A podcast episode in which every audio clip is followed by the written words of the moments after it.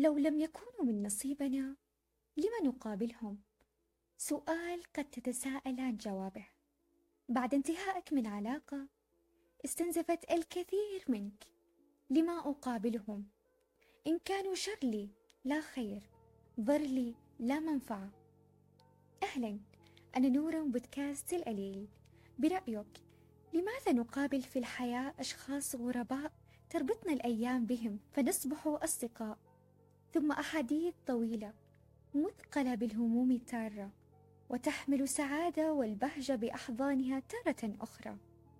ثم أحبه ثم أحادثه قليلا وانسحاب لنعود غرباء من جديد.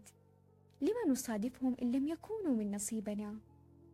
لما نتبادل الأحاديث باهتمام بمن لا يبادلنا السلام؟ صبرك فإن كل شيء في الدنيا خير لك. واختبار لصبرك. ستقابل من ستقف في نقطة الهاوية.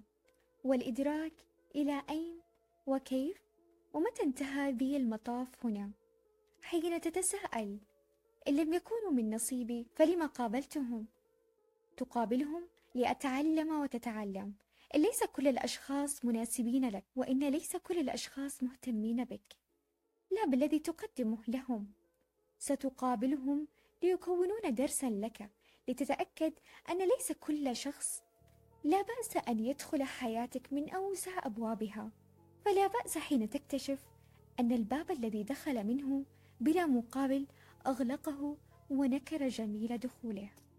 ستقابلهم لتعرف وتفرق أين الشخص المناسب لتعرف قيمته ومكانته بقلبك ليكون لك الاختيار إما البقاء أو المغادرة.